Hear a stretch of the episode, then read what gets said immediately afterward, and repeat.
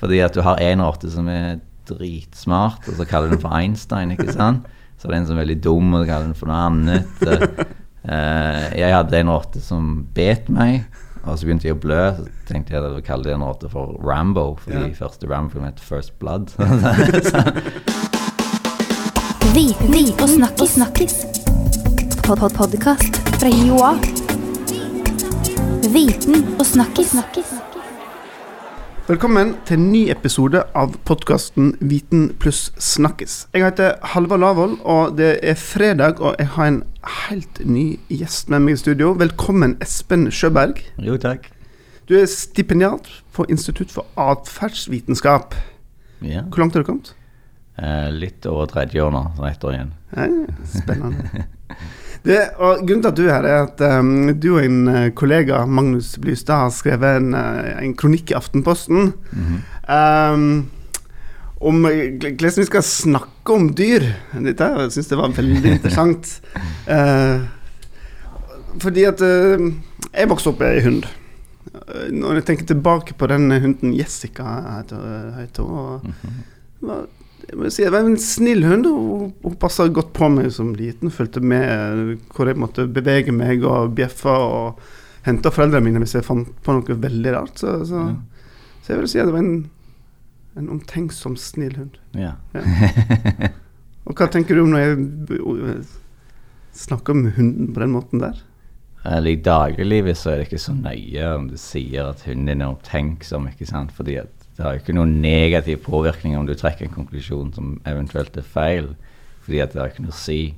Dessuten så er det ditt forhold til hunden som teller dette tilfellet. Mm. Og kan, hvis du gir dyr, eh, altså hunden din menneskelige egenskaper, så får du nærmere tilknytning til hunden din også. Så det er egentlig bare positivt her. Eh, problemet er at hvis du skal lære noe om hunden din, så kan du ikke si at den er omtenksom, fordi at du vet ikke hva som foregår inni hodet på hunden din. Så selv om den gjør handlinger som ser ut til å være snille, så vet ikke du hva motivasjonen bak de handlingene var, eller hva slags forsterkning de har fått for disse atferdene. Så det, du oppsummerer den atferden med å si at det er omtenksom, men det er egentlig bare din, ditt menneskelige ordforråd som legger en etikett på det som skjer. Hunden har kanskje ikke den samme oppfatning av hva som skjer. Den har kanskje et helt annet verdenskonsept. Den tror kanskje at, den, at det, det, hunden selv, altså var det Jessica, som er eieren, og du kjæledyret. Vi, vi, vi, vet ikke hvordan den resonnerer med verden rundt seg. Eh, og derfor blir konsepter sånn som tenk som blir noe som gir mening for oss, mm. men det gir ikke mening for hunden nødvendigvis. Det kan hende at de har et konsept som er omtenksom, men vi vet ikke det. Nei. Så, så, du som forsker da på, innenfor atferdsvitenskap, du er da veldig forsiktig med å ja. bruke sånne ord om, eh, om eh, dyr, blant annet? Ja. ja. Der må du være veldig forsiktig. Uh, i, i, praksis er det veldig vanskelig å unngå, men du må gjøre det når du rapporterer spesielt.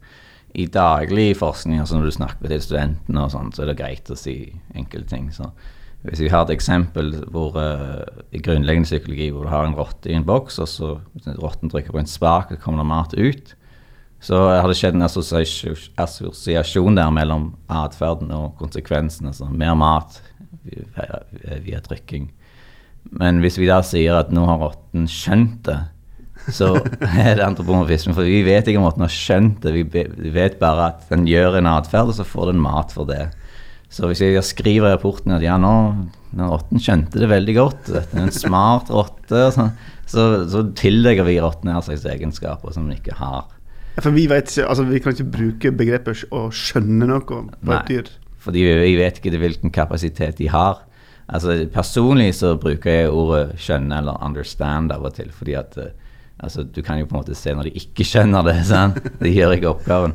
Men, det, men rammeverket blir feil, fordi at de dyrene har jo ikke samme informasjon som oss. Og til og med hvis de hadde tilgang til samme informasjon, altså de forstår eksperimentet de er i, så er det ikke sikkert at de skjønner eh, altså rammene rundt det og hva hensikten er. og sånn, så Når vi sier at dyret har skjønt det, så er det bare at det ser ut som for oss at de har skjønt det.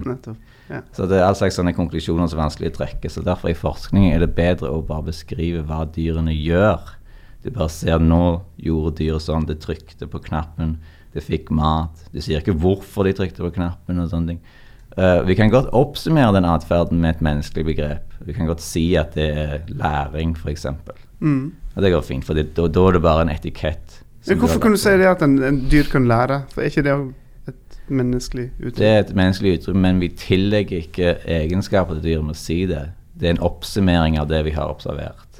Så for eksempel, jeg jobber jo med impulsivitet, da. Og da er det spørsmålet hvorvidt dyrene venter på en større belønning eller ikke. Eh, og da kan vi si at dyrene er impulsive hvis de ikke venter. Fordi at impulsiviteten er et ord som er en oppsummering av atferden de observerer. Hvis jeg sier de er impulsive fordi de ikke vil vente, da er det antropomorfisme. Fordi at jeg tillegger dyret egenskapen om å ikke gidde å vente og sånne ting. Ja, det gidder ikke vente. Men hvis jeg bare oppsummerer og sier at disse dyrene eh, de gjør en atferd, og så går det lengre tid før konsekvensen kommer, eh, da kaller vi det impulsivitet. Uten at det sier noe om dyrene sin verden. Ja. For vi er til syvende og sist begrenset via vårt språk. Og det er problemet er språk, ikke sant. Fordi at dyrene har ikke språk, og til og med hvis de har språk, så har ikke de samme språk som oss. Sånn at vi, og vi er totalt begrenset av vårt eget språk og forklare hva som skjer. Og vi kan jo ikke skrive en forskningsrapport hvor vi ikke sier noe i hele tatt. Nei, så vi må si noe.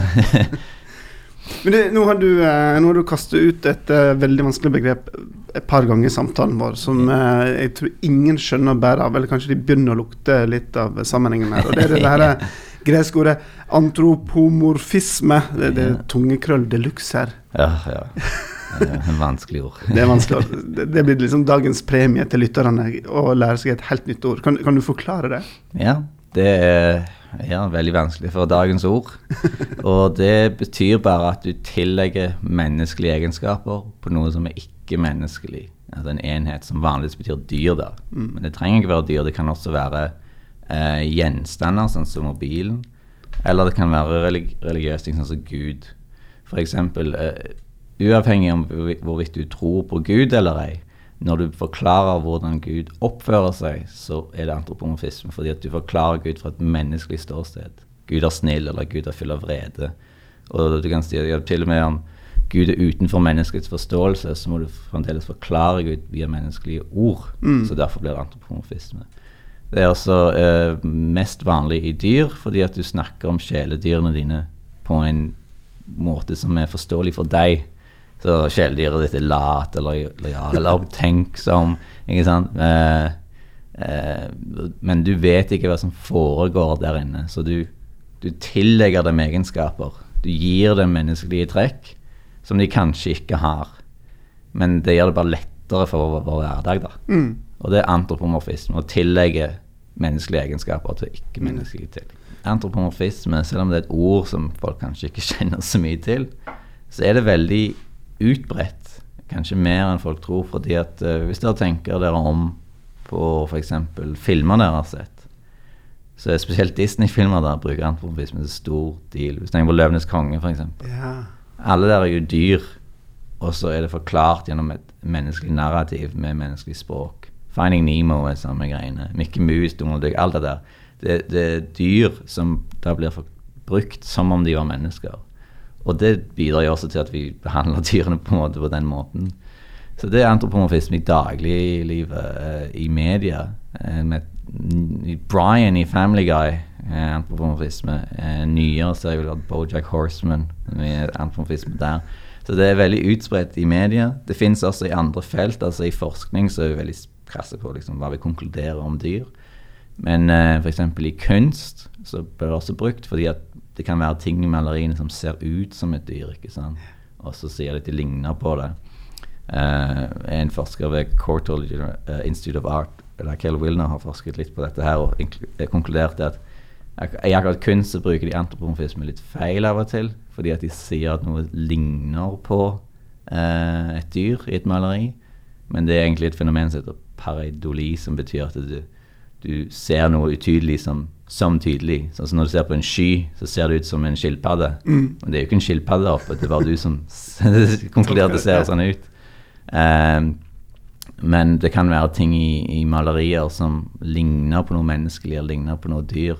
Og, men det er ikke antropomorfisme. da. Men hvis du sier at å, disse malerstrøkene de ligner på en ond mann, eller, ond, eller en eh, litt sånn lur slange, der blir det antropomorfisme. Fordi at du har for det første lagd et menneskeligaktig objekt i maleriet, og så har du lagt en egenskap på det. Altså, la oss si det maleriet er et tre, eh, så ser det litt sånn skummelt ut. Det er et ondt tre, da. Men altså, det er bare noen malerstrøk. Sant? Det er ikke noe ondt med det. Sant? Så det, det blir brukt litt forskjellig i forskjellige felt. Og den tekniske oversettelsen av selve antropomorfisme betyr bare at det, det er endring av menneskelig form som vi antar. Men den vitenskapelige definisjonen av det er at du tillegger menneskelige egenskaper. Så det, til, til de som hører på dette, her, når dere snakker om kjæledyr og sånn, så ikke tenk så mye på det hvis du sier at katten din er omtenksom eller smart. Det er ikke så mye å si. Men hvis du skal begynne å trekke konklusjoner som dette var hard kunnskap, så må du være veldig forsiktig med hva du kan anta at dyrene tenker. Eh, og så får det bare være en utfordring å prøve å lære dette ordet, da. Antropomorfisme. Jeg må bare si det fem ganger etter hverandre. Så sitter det. Antropomorfisme. Yeah. Så da, kjære lettere, har du lært et nytt uttrykk. Antropomorfisme. ja. Ja. Men du, litt videre på dette, hva språket vårt, og, og hvordan vi kan bruke det på dyr. For nå har vi vel snakket om liksom, å være snill eller omtenksom, og lat. Altså, det er sånn menneskeuttrykk som en kan finne på å bruke på dyr. Mm. Men, men um, for eksempel Vi blir redde. Yeah. Altså, dere skrev om hunden som bjeffer hvis en opplever frykt. Ja. Kan du bruke begrepet frykt for dyr? Er ikke det òg et form for menneskelig begrep? Ja, eh, frykt eh, det, er enkelte gråsoner her, fordi frykt blir en av disse tingene som eh, Det blir også en etikett som oppsummerer atferden uten at vi nødvendigvis tillegger egenskaper. Men akkurat frykt er et unikt eksempel fordi at det er sannsynligvis en universal atferd i alle dyr. Det er en overlevelsesmekanisme hvor det er eh, prosesser i hjernen som kommer inn i spill, sånn flight og flight og sånne ting, hvor eh, du blir utsatt for fare, og så blir du enten klar til å angripe eller flykte. Og det er en nevrologisk mekanisme. da. Og da, eh, når du har sånne sammenligninger, så får du en slags sånn forsiktig tillatelse til å si sånne ting. Fordi at du har veldig godt biologisk grunnlag for å si at det er frykt inn i bildet her. Eh, men du kan, og du kan gjøre det til en viss grad med andre ting. Så du kan si at eh, vel hvis f.eks. katter eller eh, godt eksempel nylige spekkhoggere som har veldig høyt utviklet hjernedeler med emosjoner å gjøre, da kan du ganske trygt si at vel, de har nok følelser. Så det går helt greit å si at eh, et dyr føler noe, men du kan ikke si hva de føler. Nei. Du kan godt se at denne her katten ser veldig trist ut, men du vet ikke om den er trist. da. Nei. Eh, det kan hende at du kan klare å finne ut av det, og da har du et objektivt mål. Men ellers så blir det bare synsing fra ditt eget ståsted. ikke sant? Men hva med, hva med kjærleik? Altså en, en, en, en, et dyr som får avkom. Eh, altså en hund som får små valper. Du vil se om hunden tar godt vare på sine små og Mm. holder dem varme og gir dem mat og vil passe på. Eh, Kan en bruke sånne begrep på det? Det er jo vel biologisk, ikke det? Ja, da er det biologisk.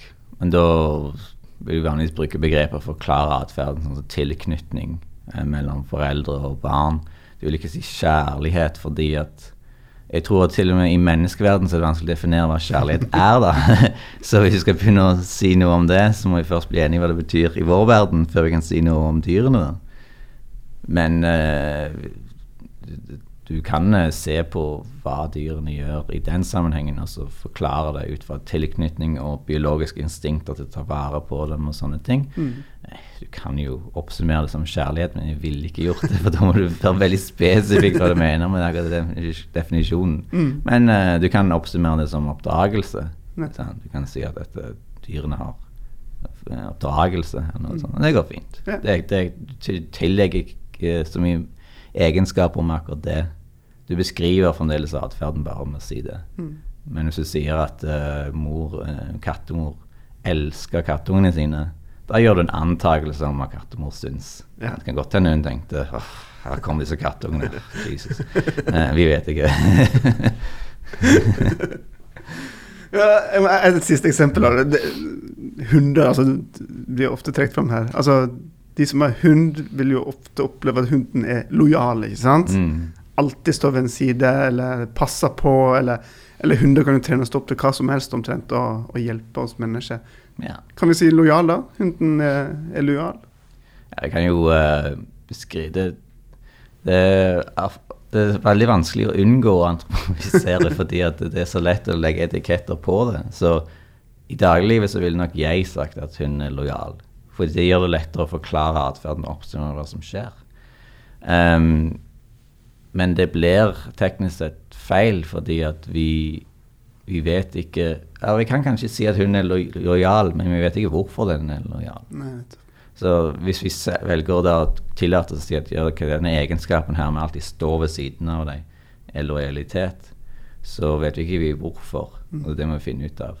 Det har også veldig mye med definisjoner å gjøre, fordi vi kommer nå inn på et område hvor vi bruker ord som alle sannsynligvis forstår, men vi er ikke nødvendigvis enig i hva det betyr. Så for eksempel, hvis vi- hadde spurt alle bygget her hva er lojalitet, så er det ikke sikkert de hadde gitt samme definisjon. Samme kjærlighet eller uh, kultur eller intelligens. Hvis jeg sier at en smart hund, så er det ikke sikkert alle har samme formening om hva det betyr, selv om det gir mening for det intuitivt. Og Derfor er det sånn at du kan si at det gir mening for, for deg å si at dette er en lojal hund, men fra et vitenskapelig ståsted så må vi være veldig spesifikke på forhånd hva det betyr. Og i et eksperiment så må vi gjøre noe som heter operasjonalisering. Vi må beskrive eller definere denne atferden på en målbar måte. Så f.eks.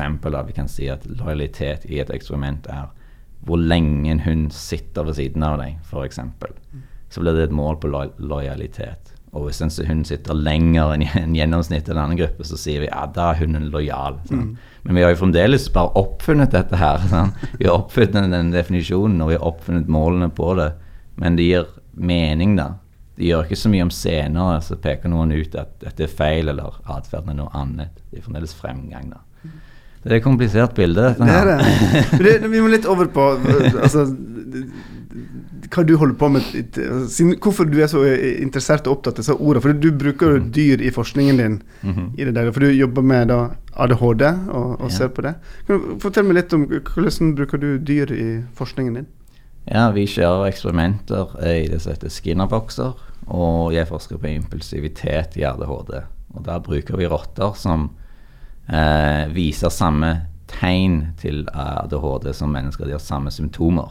Men i alle dager, kan jeg rotte ADHD? Nei, hvis jeg sier rottene har ADHD, så blir det antropomorfisme. Ja, ikke? For der sier jeg at det har tillagt menneskelige symptomer. Men du har tilsvarende atferd. Altså hvis du ser på symptomene til ADHD, så selvfølgelig er det enkeltting som rottene ikke kan gjøre. De kan ikke avbryte i klassen, f.eks. Men de kan være hyperaktive, de kan være impulsive, de kan vise variasjon i atferd, er flere andre ting. Og hvis du tar disse rottene som viser disse tegnene, og sammenlignet med en kontrollgruppe, så får du forskjeller i atferd.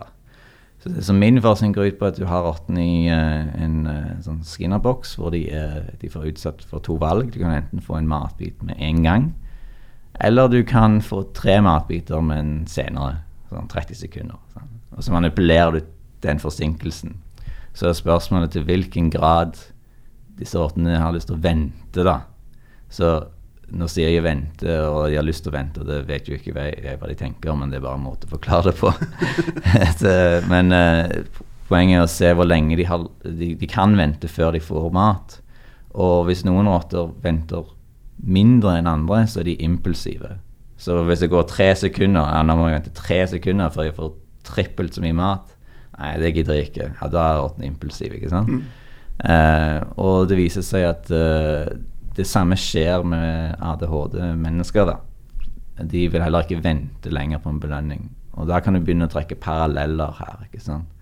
Um, men det er alltid et spørsmål om det som heter konstruktvaliditet, som er er det var et vanskelig ord igjen. Det må Ja. du forklare. det betyr at du måler du det du sier du måler. Så hvis jeg sier at jeg måler ADHD, er jeg sikker på at de samme tingene fins i mennesker. da. Mm. Selv om du får likheter, så er det fremdeles en rotteverden her. altså er det en menneskeverden. Så du trekker paralleller, da. Men formålet med sånn forskning er for eh, først og fremst, grunnen til at du bruker rotter og sånn, er for å få eksperimentell kontroll. Du kan kontrollere miljørottene i en høy grad, sånn at du utelukker variabler. Du vet at f.eks. oppvekst ikke har noe å gjøre, for alle rottene har samme oppvekst. ikke sant? Så du kontrollerer for alle sånne ting, og så gjør du et eksperiment som du ville gjort på mennesker, bare i tilsvarende form i dyr. Mm. Og så prøver du å finne ut av ok, så ADHD-pasienter er impulsive. Hvorfor er de impulsive? La oss finne ut av det. Mm. Og der bruker du dyr. Eh, og han, eh, eh, min kollega som skrev dette med meg, Magnus Blystad, han gjør det samme bare med empati istedenfor. Han prøver å finne ut om rotter har empati, om de vil hjelpe hverandre. Mm. Det, da, da det, begge disse områdene er veldig utsatt for antropomorfisme. Spesielt hans forskning, da. Ja? Fordi at uh, empati så er det veldig lett å si at rottene er veldig snille og hjelper hverandre og sånn. Mm. Men uh, du må prøve å utelukke variabler. Altså hvis en rotte hjelper en annen rotte ut for å være fanget, så vet ikke du hvorfor den gjorde det. Nei, sant. uh, så du må finne ut av det. Så det er et vanskelig område.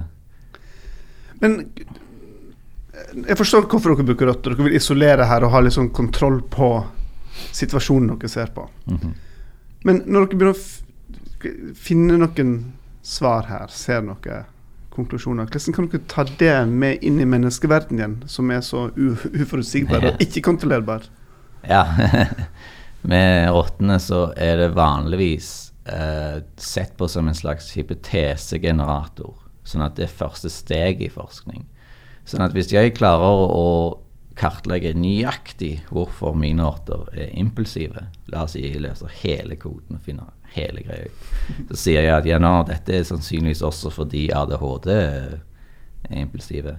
Så det er et veldig godt forslag, men du, du må jo sjekke det med mennesker først.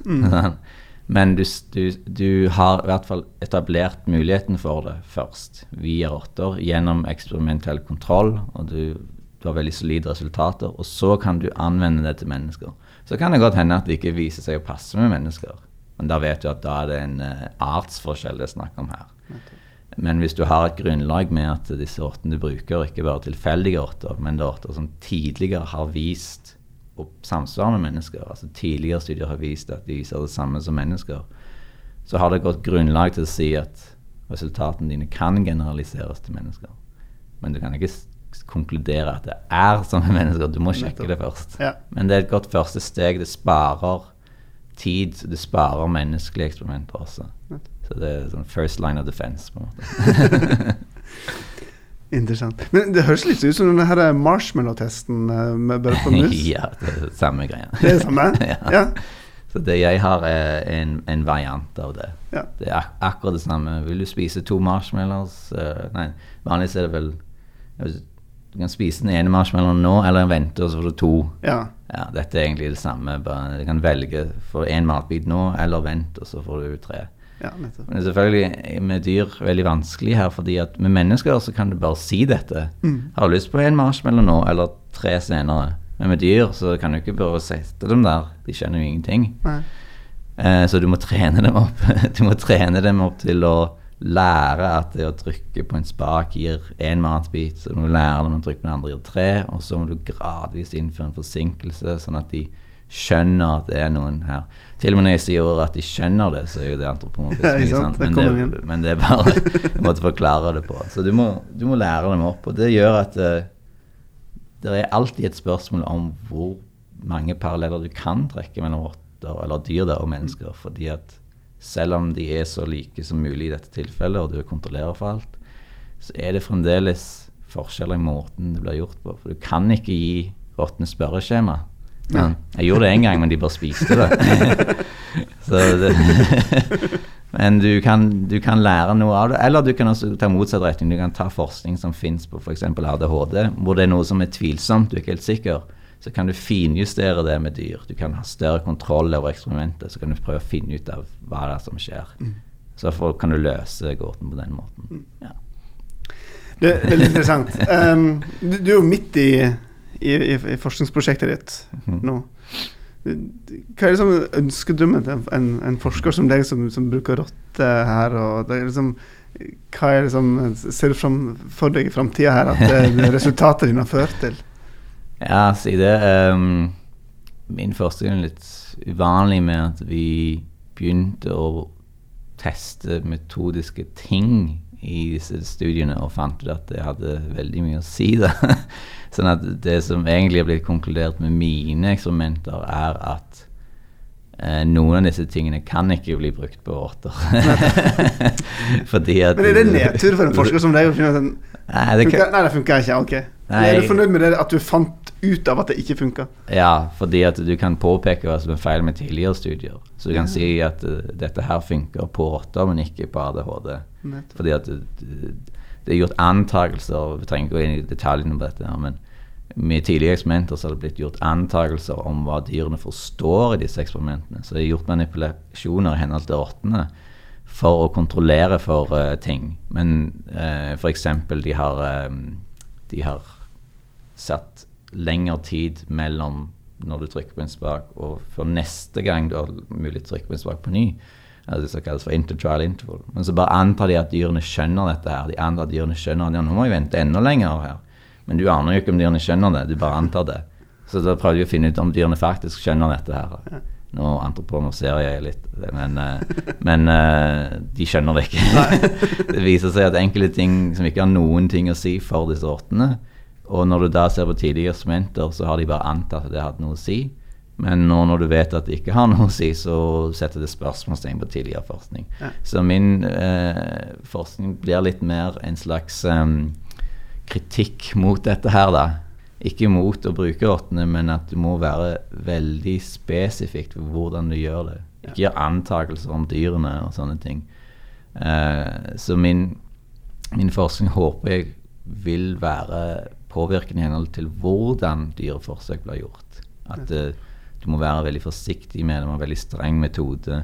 Du må tenke deg veldig nøye om før du gjør det. ikke sant? Og det er etiske grunner i tillegg, da. Mm. Så jeg håper egentlig å spisse opp feltet, er det som er målet her, da. Jeg syns du er på god vei. jeg håper det. Men du, helt til slutt, her, hva hva er ditt forhold til rotter nå, da? Altså, Er det bare en sånn instrumentell greie som du bruker i forskningen, eller når du jobber så mye med rotter, for, liksom som andre har forhold til katter og hunder? Eh, Ja, jeg hadde ikke hatt rotter før jeg begynte her. det var helt nytt for meg. Eh, Men jeg vet jo at det er folk som har rotter som kjæledyr. Mm. Men du blir kjent med dem, altså rottene har personlighet, de også. Så når Ja. vi gjør eksperimentene, så for det første ser du forskjellen mellom artene du bruker, men også de er individuelle. Så eh, det er en sånn gråsone hvor du skal egentlig ikke gi navn til orten når du forsker på dem. Hvis du må gjøre det, så gjør du det etterpå, da. Men det er veldig vanskelig å unngå det. ikke Ja, sant? sant. Fordi at du har en orte som er dritsmart, og så kaller du den for Einstein, ikke sant? Så det er en som er veldig dum, og så kaller den for noe annet. Eh, jeg hadde en orte som bet meg, og så begynte jeg å blø. Så tenkte jeg å kalle den orte for Rambo, fordi Ja. første Rambo-film het First Blood. så, så, så får du sånne ting.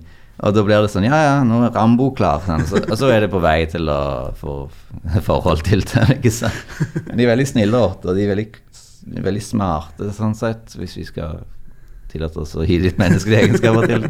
Fordi de lærer fort, og de er veldig lette å ha med å gjøre. Og de, de er veldig ja, Jeg har likt å jobbe med. Ja. Veldig bra. Eh, Espen, tusen takk for at du ville komme i podkaststudio og lære oss eh, et vanskelig gresk.